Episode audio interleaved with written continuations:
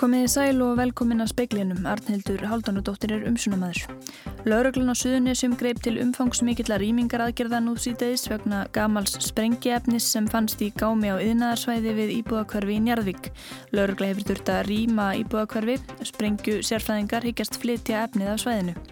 Alvarlegt umferðarslis varð á Reykjanesbraut á 5. tímanum í dag. Heilbreyðisráð þeirra hittir landlækni og forstjóra sjúkratrygginga í næstu viku til að fara yfir málefni Reykjalundar. Samtök atvinnulífsins vilja að öllum börnum verði tryggt leikskólaplás strax og fæðingarólofi líkur. Það sé brínt í aðbreytismál. Þá vilja þau styrta grunnskólanám um eitt ár. Mennindir þrýr sem eru ákjærðir fyrir stórfælda amfetaminsframlegslu í sumabústaði í borgarferði neituðu allir sög við aðal meðferð málsins í hérastómi Reykjavíkur. Mentamálar á þeirra hefur skipað Magnús Geir Þórðarsson útarstjóra í ennbætti þjóðleikustjóra. COP25 loslasráðstefnan sem halda á í næsta mánuði hefur verið flutt frá Santiago í Tíle til Madridar á Spáni. Það er, ómetanlegt að vera við góða hilsu eða hvað er kannski eftir að setja það vermiða. Hagfræðiprofessor segir mikilvægt að verðmeta óáþreifanleg gæði. Lauraglan á Suðunessjum greip til umfangsmikilla rýmingaraðgerða nú síðdegis vegna gamals sprengiefnis sem fannst í gámi á yðnaðarsvæði við íbúðarkvarfi í Njarðvík. Í tilkynningu frá lauruglu kemur fram að íbúar sem búa einan 110 metra radjus þurfi að yfirgefa heimili sín, húsin sem þarf að rýmastanda við bakkastíg og þórustíg.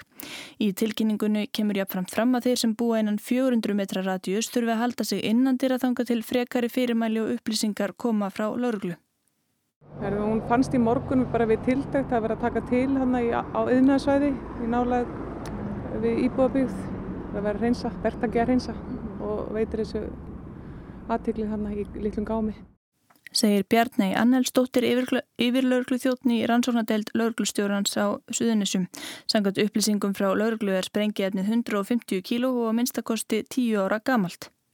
Þegar við erum búin að fá staðfyrstíku og rýmingu í lokið að þá fara þeir að vinna í efninu, sprengju sérfræðingar landhelgiskeslunar og, og sérsveitar til þess að geta flutta. Þannig að planið er að, að flytja sprengjuna af svæðinu? Já, með fyrsta plan núna. Með fyrstu upplýsingar þá er það planið en þeir get ekki svaraði nákvæmlega fyrir en þeir byrjaði að vinna með efnið. Milla Ósk Magnúsdóttir, fréttamaður er í Njarðvík. Milla, hvernig ganga aðgerðir? Sankvæmt nýjastu upplýsingum frá lauruglunni ganga aðgerðir bara þokkala vel. Sprengju sérfræðingarnir hjá landhelgiskesslinu og sérsveitinni eru byrjaðir að hella svona deyfingarvögva yfir virku efnin í þessu sprengjaefni og það bara verðist ganga vel. Það er að fara að dimma hérna hjá mig núna þannig að við erum svona aðeins hægt að sjá yfir svæðið. Við stöndum hérna við rýmingarsvæðið og hér er bara ekki sálu að sjá nema kannski eitt lítinn kísa sem að var að hlaupa hérna yfir göduna.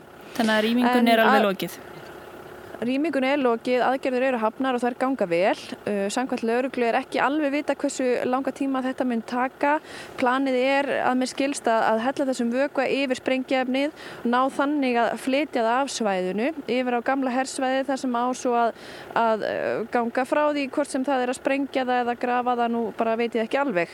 Lauruglu, yfirlauruglu þjóðnin sem að Bjarni sem ég rætti við áðan nefndi það hins, vegar að ef svo færi að það myndi að íbúr orðið svona varir við einhvers konar drunur eða, eða læti. Og líkur eitthvað fyrir hvaða efni þetta er? Þetta er skilst með bara dýnamít sem að hérna, verktaki skildi eftir uh, á einhverjum tímapunkti fyrir svona 10-15 árum síðan og sem að fannst svo bara við tiltækt þarna í morgun en, en eitthvað nánar uh, veit ég ekki eins og staðan er núna. Og engin hætta á ferðum þannig að séð? Það er bara fjarlæg þetta? Það Já, allir viðbrastæðilar hér eru, eru svona mjög ákveðnir og það er mikill viðbúnaður og ég bara má alla hérna hreyja mig fram þannig að það er greinilega sko, þú veist, mikil örgiskesla en það, það er samt sem áður á ekki að vera negin hætta á svæðinu ef að aðgerðir ganga vel. Takk fyrir þetta Milla Ósk og laurugla hegst send út tilkynningu þegar íbúar geta svo snúið aftur heim. Tveggja bíla áreikstur var næri mislægum gatnamótum inn í vallakverfið í Hafnarfyrði á fymta tímanum í dag. Samkvæmt slökkviliði höfuborgarsvæðisins voru tíu fluttir á slisadeild. Eitt þeirra alvarlega slasaður, þrýr með töluverða áverka og sex með minniháttar meðsli. Að sög laurglu voru það tveir litlir sendibílar sem rákust þarna saman báðir í fólksflutningum. En eru dælubílar og laurglun á staðnum og gerum ráð fyrir töfum og umferð fram hjá vettungislissins eitthvað áfram. Svandís Svavarstóttir helbriðsráðura hittir landlækni og forstur á sjúkratrygginga í næstu viku til að fara yfir málefni Reykjalundar. Allir læknar nema þrýr hafa sagt upp störfum. Svandís segir að nú sé að afhjúpast hversu veikur grunnur stopnurinnar er. Helga Vala Helgadóttir, formaður velferðanemndar alþingis og þingmaður samfélkingar, segir ástandið óbóðlegt. Það er algjört vantröst að nynni. Það er alveg ljóst og á meðan að svo er að þá gengur auðvitað starfseminn ekki eðlilega fyrir sig þrátt fyrir að stundaskráin eins og ég sagði á þann uh, sé mögulega virk þegar að það verður svona mikið vantröst á alla stjórnendur þá þurfa aðeinar að setjast niður og ég held að stjórnveld þurfa að koma þar að. Við höfum fastsett fund um miðan næstu viku þar að segja ég og, og landlæknir uh, og fórstjóri sjúkaltringa til að fara yfir stöðuna þegar þessi svör eru öll komin en mér er algjörlega ljóst að ástandið er ekki þannig að það sé uh, hægt að búa við það inn í framtíðina. Sko það er allavega mjög mikið umhugsunarefni að svona þjónustað sem er líkil þjónustað eins og þú bendir á sem er raun og okkar stærsta og öflugasta endurhæðingar uh, stopnun að hún skuli ekki standa á tröstari grunni heldur en hér uh, er í raun og veru að afhjúpast. Söðu Svandís Svavarsdóttir og Helga Vala Helgadóttir. Lilja Alfredsdóttir, mentamálar á þeirra, hefur skipað Magnús Geir Þórðarsson í ennbætti þjóðlikúrstjóra. Hann tekur við störfum í byrjun næsta árs. Staðan var auglist í byrjun júni og sóttu sjö um stöðuna. Ari Mattiasson, sem hefur gengt ennbættinu undanfærin fimm ár, var á meðal umsækjanda. Magnús Geir hefur verið útarstjóri undanfærin sex ár í tölvuposti til starfsmanna ríkisútarsins, segist hann vera í skíunum. Það sé mikill heiður að hafa verið valinur hópis og margra góðra umsækjanda. Þá skrifar hann að stjórn rúvegi enn eftir að útfæra hvernig endanlegum starfslokum hans verður hátað. Spánverjar hafa tekið að sér að halda lofslagsraðstöfnuna COP25 dagana annan til 13. desember. Sænski umhverfis frömiðurinn Greta Thunberg hefur óskað eftir fari yfir Allandshafið til að geta tekið þátt í henni. COP25 ráðstefnan er á vegum UNFCCC, skrifstofur ramma sáttmála saminuðu þjóðana um loftslagsbreytingar. Upphaflega stóð til að hún yrði haldin í Brasilju. Sér Bolsonaro fórseti landsins hætti við það. Þá var ráðstafnan fær til Costa Rica en ekki reyndist undan haldana þar af efnagsástæðum. Triði kostur var Santiago í Síle. Eh, Sebastian Pinera, fórseti, eh, greindi frá því hins vegar í vikunni að ekki gæti orðið af því vegna ástandsins heimafyrir. Í dag tilkynnti síðan Patricia Espinosa, yfirmaður UNFCCC, að COP25 ráðstefnan hefði verið flutt til Madridar á Spáni. Greta Thunberg síldi með seglskútu til Vesturheims síðsumars til að taka þátt í ýmsum aðgerðum í umhverfismálum þar á meðal COP25 ráðstöfnunni. Nú leggur henni á að komast til Evrópu að nýju. Hún skrifaði á Twitter í dag að hún var í stödd í raungum heimsluta og þyrti á hjálpað halda til að komast yfir Allandshafi þessum mánuði. Ef einhver geti bentan á heppilega ferð, yrðu hún þakklátt. Áskir Tómasson segði frá. Menninni þrýr sem ákerðir eru fyrir stórfælda amfetaminsframleðslu í sumabústaði borgarfyrði neituð allir sök við aðalmeðferð málsins í hérastómi Reykjavíkur. Alvar Óskarsson og Einar Jökull Einarsson sem hlutu fyrir um áratug, nýju og hálfs árs og sjö ára fangilsistóma fyrir innflutning á fíknefnum í pólstjórnumálunu svo kallaða eru ákjærðir á samt þriðja manni fyrir framleiðslu á rúmlega 8 kílóum af amfetamíni. Skýrslutökur fóru fram í hérastómi í dag og í gær en fjórði maðurinn kom þá fyrir dómin og sagðist bera ábyrð á framleiðslunni. Lögregla og saksóknari telja frambyrð hans ótrúverðugan en sagborningarnir þrýr neyta allir sök. Lauregla hafði upphaflega eftirlit með mönnunum vegna kannabisframleiðslu í útihúsum við bíli í Þykvabæ en komust síðar á snóðir um amfetaminframleiðsluna í sumarhúsinu í Borgarferði.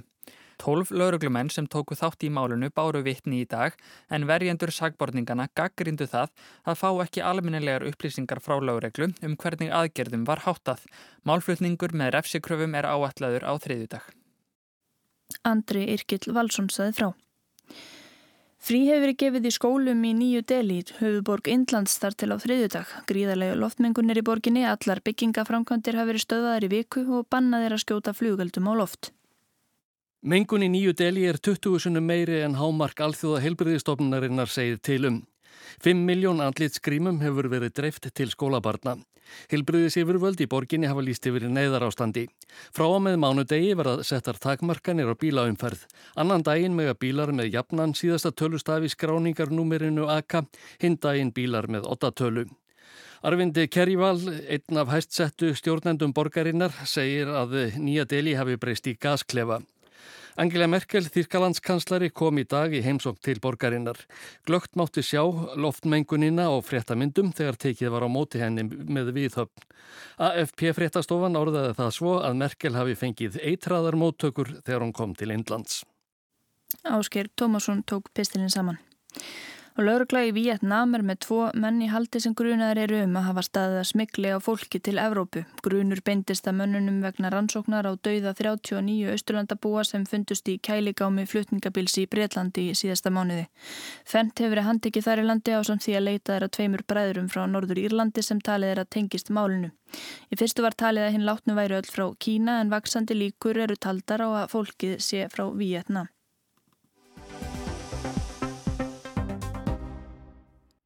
Samtök atvinnulífsins kynna á mánudaginn nýja skýrslu um áherslur sínar í mentamálum til framtíðar. Samtökin leggja til að grunnskóla, grunnskólanám verði stitt um eitt ár, unnið verði gegn kynbundnum staðalýmyndum í yðinnámi og að öllum börnum verði tryggt leikskólaplásum leið og fæðingarólu líkur. Davíð Þorlóks, Þorláksson afsakið er forstuðumadur samkeppnishæfnis við samtaka atvinnulífsins og reittstjóri hinnar nýju skýrslu. Í leikskólanum þá er til staðar ákveð umununabil á milli fæðingarólós og þess að börnin geta hafið hérna, náma á leikskóla. Rannsóknir sína að, að það að brúa þetta bil lendir fyrst og fremst á mæðurum því miður er það staðrendin og það hefur auðvitað slæm áhrif á starfsfróðum þeirra. Þannig að það er mjög mikilvægt jafnbrettsmál að þetta bil veri brúað þannig að sveitafélagin bjóðu upp á leikskóla um leið og fæðingarólaug sleppir. Við viljum að sveitafélagin eh, forgangsæði fjármunum þá frekar í átta leikskólum, þá úr öðrum verkefnum. Við viljum líka að þau sem hafa verið að ræða um gjaldfrása leikskóla, þau hverfi frá því og hverfi frá haugmyndum um að lækka leikskólagjöld. Því miður þá, bara, þá gengur það bara ekki upp. Við þurfum að þessu fjármunum að halda í þetta kerfi. Samtök atvinnlýsins hafa ekki áallega kostna við þetta enn, en Davíð segir að sveitafjölinn hafi skoðað þetta og séu mislánt komin með það. Í Reykjavík séu til að mynda allt of mörg dæmi um að börn séu komin yfir tvekkja ára aldur þegar þau fálóksins plása á leikskóla. Hann segir að það muni taka nokkur ára innlega þessa breytingu en þegar upp sé staðið skili hún árangri og ábata fyrir samfélagið allt. SA vilja auka áherslu á lestur og starfræði, skapandi greinar og vísindi í grunnskólum landsins. Þá vilja samtökin stitta grunnskólanám um eitt ár. Slakur árangur í uh, námsárangur í grunnskólum er áhugjefni. Við sjáum það í mælingum í PISA, við sjáum það 30% drengja 15 ára geta ekki lesið sér til gags. Við þurfum að bæta árangur grunnskólana. Samt eru við að verja meira fjætti grunnskóla heldur en uh, eiginlega öll önnu ríki OCT. Ellendaransóknir sína að laungsumafrí eins og eru hér á Íslandi að þau hafa mjög slæm áhrif á námsáragur barna og þetta á sérstaklega við börn fátækara og börn innflytjenda. Í dag eru um 10% grunnskólanema með erlend móðamál, þurfum huga sérstaklega þessum hópum þannig að stytting grunnskóla, námstíma til grunnskóla e, prófs e, í nýju ár með því að lengja skólaárið er mjög líklega til þess að bæta námsáragur og það er útgangspunkturinn okkur. Þetta myndi ekki kosta neitt, heldur þvert á móti spara peninga. Þetta myndi auka kennsluskildu kennara og hækka laun þeirra sem því nefnur. Það gæti unnu gegn kennaraskorti og fengið fleiri karlmenn inn í kennarastettina. Menn hafa haldið því fram að lálaun í grunnskólakennara séu, séu að fæla karla frá þessu. Þannig eru við þá að þetta, þetta gerist ekki án samtals við kennara og án þess að breyta kjærasanningum við þá. Því að það er verið að fara fram á það að þeir þá kenni lengur og það er ekki ólíklegt að, að það myndi svona íta við fleiri körlum. Þeir eru áhuga á því að fara í vinnu þó að þessi meiri vinna en ef að launin eru betri. Davíð leggur áherslu á að unnið verði gegn kynbundinni staðalímynd starfa í yðnámi. Allt of fáir velir sér yðnám. Það snúist um hugafar. Það er þá hugafar hjá fyrst og fremst fóröldurum auðvitað og ungminnunum sjálfum. Þau eru frekar að velja sér bóknám en, en ættu kannski fleiri að fara í yðnám. Uh, og þetta á sérstaklega við um, um konur. Ég held að stúlkur séu í raun bara verk og hugveit stúlkna séu ónýtt öðlind þegar kemur að yðnáminu. Og það sama og við, við erum að leggja líka ásla á það að við þurfum að fjölga fólki með starfræði, vísenda, tækni mentun og verkvæði mentun þar er líka sóknarfæri að, að vinna gegn staðalímyndum og fjölga konum í þeim fögum. Þá leggja samtök aðtunilífsins til að teknar verði upp fjöldatakmarkanir inn í háskólana að norrætni fyrirmynd. Við erum eh, eina Norðurlandi sem eru með galopna háskóla og eitt að fáum örbalöndum. Eh, það myndi breyta því að ef við tökum upp fjöldatakmarkanir á norrætni fyrirmynd þá getum við verið að verja meiri peningum á hvern nefnda. Þannig að gæði náms og gæði rannsóknar myndi aukast með því. Háskólar á Íslandi eru nú sjö talsins. Samtök atvinnulífsins telja þá of marga fyrir samfélagið. Í Evrópu hafa háskólar verið saminnaðar á síðust árum. Það hafi aukið gæði, rannsókna og náms. Og það er líka oft sem til þess fallið að styrkja einingar út á landi. Þannig að í staðis að vera með marga háskóla dreifða um landi þá erum einbindið sér að því að búa til sterka kjarnaháskóla landsbyðinni. Þannig að það hefur freka verið að til þess fallið að styrkja lands, eh, landsbyðarháskóla heldur en hitt. Það hafi verið gerða tillögur um saminningar, eh, enginn þeirra hefur síðan komist til framkvæmda. Við teljum rétt bara að, að ráð þeirra hleypast að vinnu þar sem, þar sem allt skólakerfið, háskólakerfið er skoðað þannig að það verið ekkert undanskilið því. Í skýslinu segir að nú eigi sér stað örar breytingar í samfélaginu sem fækki störfum á vissum sviðum. Á sama tíma verið til önnur störf sem krefjast annars konar færni. Vandamálið er að störfin, að fólkið sem er að sinna störfunum sem er að hverfa, hefur ekki endilega færnina sem þarf í þau störf sem er að vera til. Þetta fólk er komið út á vinnumarkaðin og er búið með sína skólagöngu, þannig að skólakerfið er ekki að fara að hjálpa þeim. Þess vegna verða fyrirtækin og eins og mörgur er að gera að aðstofa þau við endurmöntun og aðstofa þau við að, að öðlast á færni sem þarf til þess að sinna þessum nýju störfum sem er að vera til vegna teknibreitinga störfin sem er að vera til eru störf sem krefast stafræðnar færni það til mis er, er færni sem er ekki kannski til staðar hjá fiskverkafólki en, en er mjög öðvöldlega hægt að með endurmyndun og e, námi á vinnustöðum hægt að, að öðlast. Auðveldara reynist að fá góða kennara til starfa í sjálfstætt starfandi skólum. Það er séu í bóði herri laun og námsárangur mælist góður. Við erum að leggja það til að sveitafélagin greiði það sama með börnum óháð því hvort að þau fara í sjálfstæðstarfandi skóla eða skóla á vegum sveitafélaga. Í dag er bara verið að greiða 70-75% með, með börnum sem fær í sjálfstæðstarfandi skóla með það sem er farið í, í óberaskóla. Skísla samtaka atvinnulífsins um áherslur í mentamálum í framtíðinni verður kynnt á mánudaginn og þar munur Lilja Dögg Alfredsdóttir mentamálar á þeirra og fleiri sitja fyrir svörum í pallborði. Marja Sigrun Hilmarsdóttir tók saman og rætti við Davíð Þorlóksson.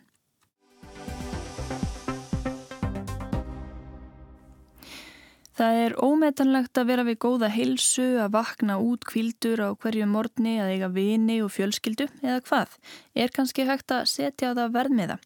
Já, segir hagfræðiprofessor við HÍ. Með því að meta virði þess ómetanlega getur stjórnvöld bætt stefnumótun og leiðrétt skekkjur í hagkerfinu. Mælingar á óáþreifanlegum gæðum með svo kallari tekju uppbótar aðferð tengjast áherslum á að byggja upp velsældarhagkerfi þar sem árangur er metin með því að horfa til fleiri mælikvarða en hagvakstar og þjóðarframleyslu. Katrín Jakobsdóttir, forsætsræðara, tilur mikilvægt að horfa í auknum mæli til nýra mælikvarða á árangur. Þetta sagði hún í viðtali um lofslagsvána. Það er hluti af bara þeim vanda sem við stöndum fram með fyrir. Við höfum auðvitað bara nýtt einfalda mælikvarða verklar þjóðaframleyslu til þess að mæla gengi okkar. Eh, við erum ekki að nýta þá fjölbreyttu mælikvarða sem mæla þjóðarhag með öðrum hætti í næjanlega miklu mæli.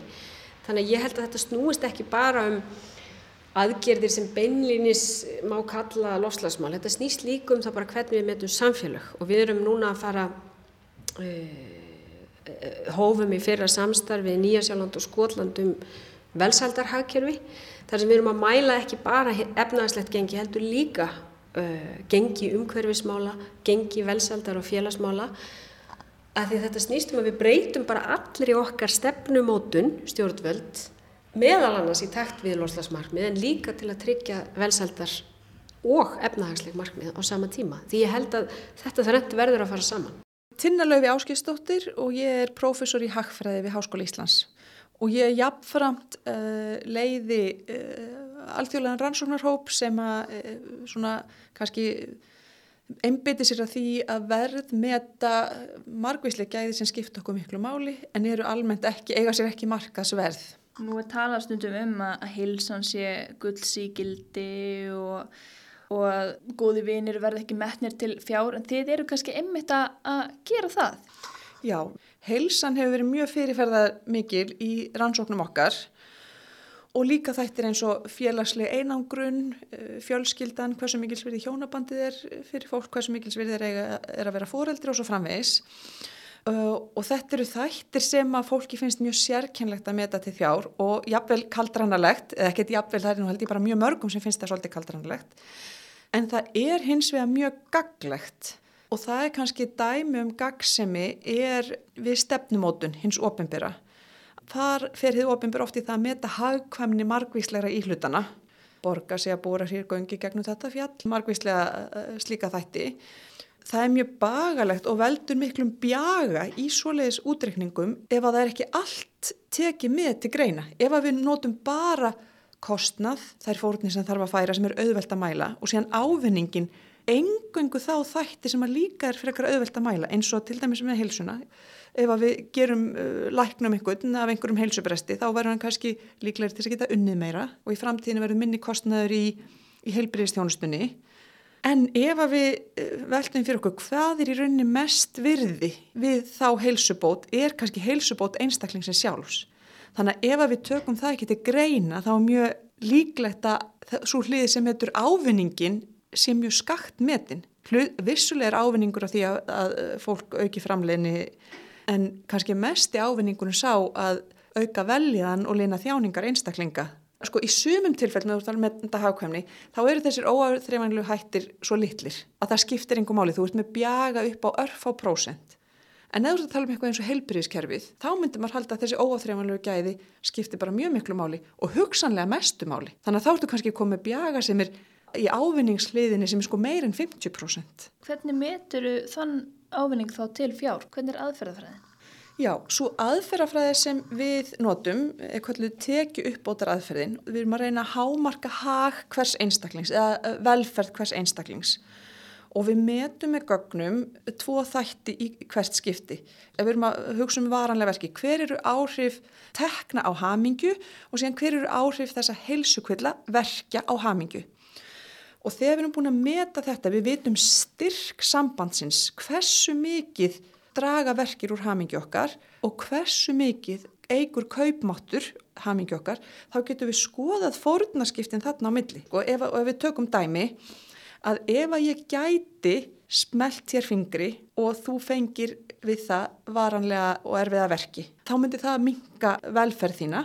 En þá get ég spurt mig með þessum mælingum, ok, hvað þarf ég að láta hann að fá mikla peninga í staðin til þess að hún sé jafn vel sett? Þá er ég komin með mælikvarða efnahagslegan mælikvarða á þessa þjáningu. Er þetta þá bara háð mati fólks? Af því að nú kannski ímynda maður sér að ef það er eitthvað ræðilegt sem að verður fyrir og fólk spyr hvað þarf að borga þér til þess að þú sérst bara sátt eða sáttur þá myndum maður að segja bara 100.000 miljardar eitthvað svo leiðis.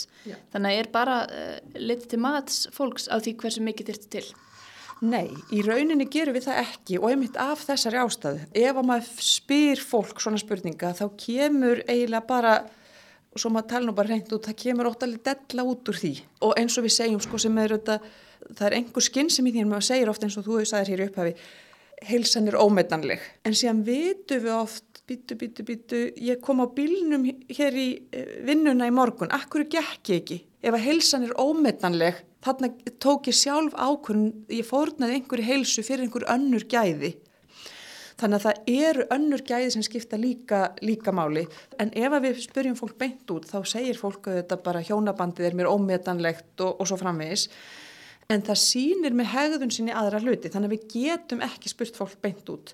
Þannig að fólk sem svarar spurningalistunum sem við erum með það veit ekki að spurningalistunni séu notaður í þessum tilgangi.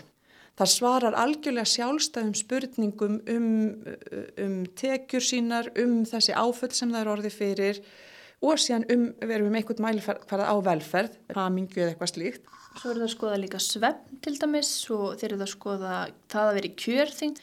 Nýðurstaðan sem þið fáið, Hvernig nýtist hún svo? Nýtist hún þá til þess að réttlæta það að vaktavinnu fólk fái hæri laun af því að það er að fórna svefni, að heilbriðis og velferðamál fái hæri fjár, fjárvettingar af því að þessi mál skipta fólk svo miklu máli?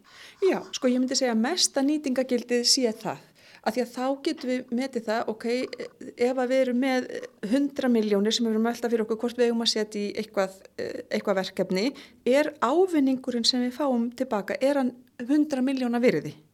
Þannig að við séum ekki að fórna meiri gæðum fyrir minni og, og með þessu þá getum við beint fjármagninu þar sem við augum velferð mest. Þannig að ef að það er markmið stjórnvalda að auka velferð sem allra mest, að að þá uh, beinir hefur ofinbera fjármunum sínum þar sem það getur fengið sem mestan hag fyrir hverja krónu. Uh, er þetta eitthvað sem þú býst við að verði tekið upp að þetta verði einhvers konar hamingu hagkerfi sem að taki við af því sem við notumst við í, í dag? Sko það er náttúrulega mjög mikil umræð og hefur verið áratugum saman í hagfræði um það hvernig megi leiðrétta mælikvarða, uh, hagfræðilega mælikvarða og þetta er kannski hluti af því og, og, og fólk kannski þekkir þessa hugsun betur úr umræðum þjóðaframleyslu sem hefur oft verið nótu sem svona þumalputtaregla á lífsgæði en meiri sé að þegar að sá mæli hverju við búin til sko af, af upphásmanni þess hann sagði ég var að við því að þetta sé gert í, í blindni. Og það hefur verið, er búið að búa til marga aðra mæli hverða til að mæla hag í þjóðfélagum sem heilt Það byrjaði nú svona einna mest á því að það var verið að taka til yfir umhverfisins með grænum þjóðhagsreikningum og síðan var farið að taka til til annara þáttar er stríðið að friður í landinu og mentunastyks og svo framvegis til þess að leiðrétta þessa þjóðaframleyslu en það er svo margt sem við gerum sem er ekki sko á þeim, þeim skala ekki, við erum ekki bara að mæla hag þjóðaheldur, við erum að mæla hagkvæmni einstakra íhlutana. Egu við frekar að setja fjármunni í forvarnir gegn áfengis og vímuöfnasjúkdómum eða fáum við meiri hag í samfélaginu ef við bólusetjum fyrir laupabólu.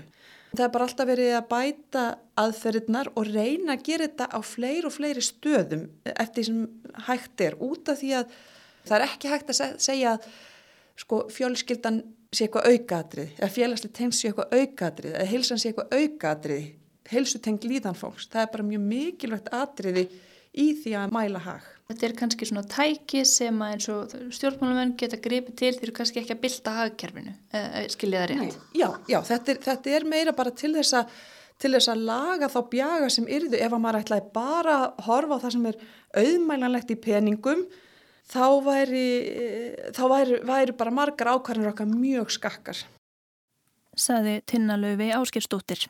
Það var helst í speiklinum í kvöld að lauruglan á Suðunessum greip til umfangsmikilla rýmingaraðgerða síðdeis aukna gamals sprengiefnis sem fannst í gámi á yðnaðarsvæði við íbúðakörfi í Njarðvík, rýmingu lokið og sprengju sérfræðingar landhelgiskeslu og sérsveita ríkislauruglustjóra að störfum á vettongi. Það er mikill viðbúnaður, laurugla sendir út tilkynningu þegar íbúar á svæðinu sem að þurfti að rýma með að snúa aftur til síns heima. Sprengjunu verður líklega fargað og svæði sem áður tilherði hernum og yfirlauruglustjóri saði að íbúar íbúar kynnu að verða varir við drönur. Tveggja bíla áreikstur var nærri mislegum gatnamótum inn í vallarkverfið í, í Hafnarfyrði á fymta tímanum í dag. Samkvæmt slökkuliði höfuborgarsvæðisins voru tíu fluttir á slísadeild, eitt þeirra alvarlega slasaður, þrýr með töluverða áverka og sex með minniháttar meðsli. Heilbriðisráður að hittir landlækni og forstjóra sjúkratrygginga í næstu viku til að fara yfir málefni Reykjalundar. Formaður velferðanemdar alþingi segir ástandið á stopnunni óbóðlegt.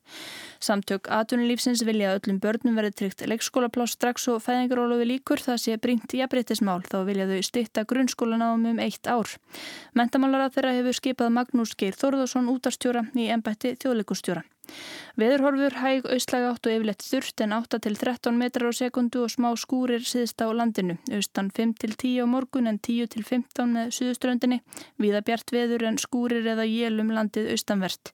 Hiti 0-5 stig yfir daginn en vægt frost norðanlands. Tæknimaður í útsendingu var Mark Eldredd. Verið sæl og góða helgi.